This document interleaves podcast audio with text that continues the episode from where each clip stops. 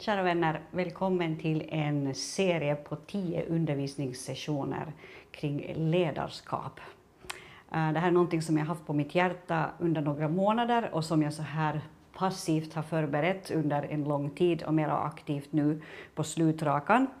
Eh, och jag vill dela saker och ting som jag har lärt mig under de 30 år som jag har fungerat som pastor.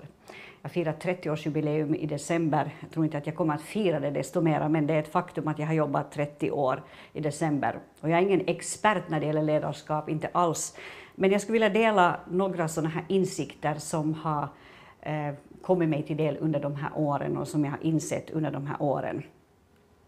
Eh, och eh, ja, vi ska gå rakt in i, i själva temat eh, och jag vill säga två enkla saker som har att göra med ledarskap i den här första sessionen. Vi ska tala om kallelsen, om att vara kallad. Så det är själva ordet för den här sessionen. När jag var 15 år så upplevde jag kallelsen från Gud att bli en heltids arbetare i Guds rike, om man uttrycker det så, att, att ha någon typ av heltidstjänst i en församling. Och det blev som en längtan som växte sig stark inom mig och som gjorde att jag sen fattade beslutet att börja studera teologi, vilket jag gjorde fem år vid Åbo Akademi. Och eh, under den tiden så jobbade jag också som församlingsarbetare i den lokala metodistförsamlingen i Åbo. Och det var en jättebra kombination att studera och jobba samtidigt. Det gav en sån här realistisk bild av det jobb som jag sen skulle börja jobba med.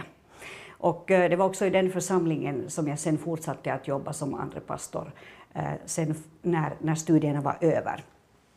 Eh, det jag har lärt mig om, om kallelsen sen dess, sen jag började den här vandringen tillsammans med Herren och framförallt med den här blicken på den här tjänsten Eh, sådär aktivt framför mig. Det, det första det är det som har att göra med det som Petrus skriver i sitt andra brev, i det första kapitlet och i den tionde versen. Och det har att göra med att, att göra kallelsen fast och etablerad i sitt liv. Han säger så här uh, till sina läsare att uh, var desto ivrigare, mina bröder, att göra er kallelse och utkårelse fast. Gör ni det ska ni aldrig någonsin snubbla och falla. Det han alltså menar så här indirekt, om jag förstår honom rätt, det är att det kommer alltid att finnas tider och, och liksom perioder i ens liv då kallelsen kommer att vara ifrågasatt. Människor runt omkring en som ifrågasätter den, Eh, man kanske ifrågasätter den själv. Är jag faktiskt kallad? Är det här någonting verkligen att satsa på?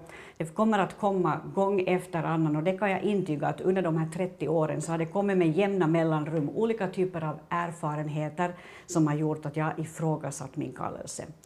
Och det man måste inse när det gäller kallelsen, och det har att göra med liksom hur man tar emot den från början, det är att kallelsen kommer till en i formen av en, ungefär som en, som en liten krukväxt. Jag hade nästan tänkt ta med en sån här för att visa det. Som har rötter, ja, men som är tänkt att bli mycket större och, och som är tänkt att växa. Man ska göra allt för att göra den här krukväxten fast och liksom producerande av frukt. Och eh, det är, det är därför att den kommer att vara, eh, den kommer att vara ifrågasatt och man, människor kommer att, att, att liksom, eh, på olika sätt attackera den här kallelsen. Och jag menar inget illa när jag säger så, men, men det kommer att vara en del av vandringen, det att, att, att det är inte är så lätt att, att, att helt enkelt gå vidare med den här kallelsen utan att känna sig ifrågasatt. Eh, det finns tre bibliska personligheter som vi skulle kunna snabbt ta en titt på. Det är Mose som, som från första början får lära sig och som, som vid första anblicken när han får höra från Gud, eller, eller vid den här stunden när han får höra från Gud att han är kallad, så skriker alltid om honom att han inte vill. Han säger ”jag vill inte ta någon annan”. Du hittar det här i Andra Mosebokens tredje kapitel. När Gud beskriver Israels barns nöd, eh, de är i Egypten, de har varit där i 430 år ungefär, och Mose får den här kallelsen att gå dit och dra dem ut därifrån och föra dem till ett berg, eh, eller liksom på väg åtminstone via ett berg för att tillbe Herren där, fira gudstjänst åt Herren där så är liksom allt inom Moses skriker nej, jag vill inte, jag kan inte. Han säger ta någon annan, jag förstår inte att tala, jag är rädd. Det finns massor med orsaker som han liksom radar upp inför Gud. Eh, och han är säkert inte den enda. Eh, I Bibeln finns det också Jeremia som säger så här i det första kapitlet. Han säger att jag kan inte tala, jag är för ung. Så välj Gud indirekt, välj någon annan. Eh, och, och, det här kan vara den första eh, känslan när man, när man står där inför kallelsen. Så var det inte för mig personligen. Jag har alltid velat ha den där kallelsen, jag har längtat efter den och jag har gjort allt för att på något sätt eh, få gå med den. Men det betyder ändå inte att den inte skulle ha varit ifrågasatt. Salomo i Första Konungabokens tredje kapitel säger bara så här att jag är bara en ung man, jag vet varken ut eller in. Och det är när han liksom i polemiken tillsammans med Herren försöker liksom förstå hur ska, han, hur ska han göra det här, hur ska han klara det här uppdraget som Herren har för honom. Eh, kallelsen är en gåva på det här sättet, men kallelsen behöver, behöver göras etablerad och göras fast. Och det gör man i relationen tillsammans med Herren, där man, där man liksom dagligen på något sätt står under Herrens regn, där han får tala in i ens liv och stärka det som han har talat in i en. Stärka de ord av kallelse och, och, och att vara, att vara liksom utvald, eh, där allt det där goda får komma från Gud och på något sätt etablera det som finns där på insidan.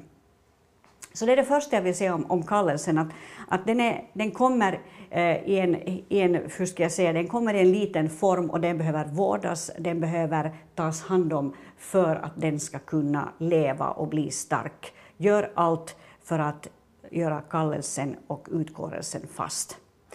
Eh, det andra jag skulle säga som gäller kallelsen, och den, den är en väldigt stimulerande tanke som har burit mig väldigt länge i den här tjänsten, det är det att kallelsen eh, och nu lånar jag faktiskt en, ett, en, en tanke från John Wesley som grundade Metodistkyrkan på 1700-talet, eller som, som blev den här väckelseledaren för den rörelse som kom igång via honom på 1700-talet och som först var en, han var ju en del av den anglikanska kyrkan och hans plan var aldrig egentligen att, att etablera ett nytt samfund, men så blev det sen i alla fall i slutändan. Det här är nu en snabb snabb beskrivning av historiken. Men, men, men i, hos Wesley så finns en sån här tanke att en metodistpastor är primärt inte sänd till den lokala församlingen, utan han är sänd till staden. Det här tänker jag ofta på, att jag är primärt inte sänd till Vasa metodistförsamling eller till Åbo metodistförsamling där jag jobbade i tiden, eller Kokkola metodistförsamling där jag också har jobbat, utan en pastor är sänd till den stad där han eller hon finns. Jag tycker om den här tanken, den öppnar vidderna på ett fantastiskt sätt. Och det finns också ibland, det märker man när man kommer som pastor till ett, till ett sammanhang, och speciellt om, om det är en, en, en församling som kanske har funnits väldigt länge och medelåldern är hög. Det kan finnas liksom nästan en sån här beställning att en pastor ska göra vissa saker. Ska sitta och dricka kaffe med tanterna och, och läsa lite ur Bibeln och hålla andakter och, och hålla gudstjänster regelbundet. Och så gör vi det här som vi har gjort i 10, 20, 30, 40, 50 år. Men, men en, en pastor är sänd till staden, till alla de som finns i den här staden och som ännu inte finns i den här byggnaden eller som inte kommer till den gudstjänst som samlas i just den byggnad där jag finns. Och det betyder att jag har en, ett ansvar och ett uppdrag som pastor att skapa en sådan miljö, skapa en sådan församling eh, dit det är lätt för nya människor att komma. Och det här är en väldigt stimulerande tanke, tycker jag som pastor, att, att, att få arbeta på det, att den här församlingen, där jag nu finns, eh, på alla sätt, både när det gäller interiör i kyrkan, men också när det gäller församlingen och miljön, att den kan bli sådan att, eh, att den kan ta emot nya människor. Att det finns en fräschhet och att det finns ett liv från Gud som känns när man stiger in genom dörren.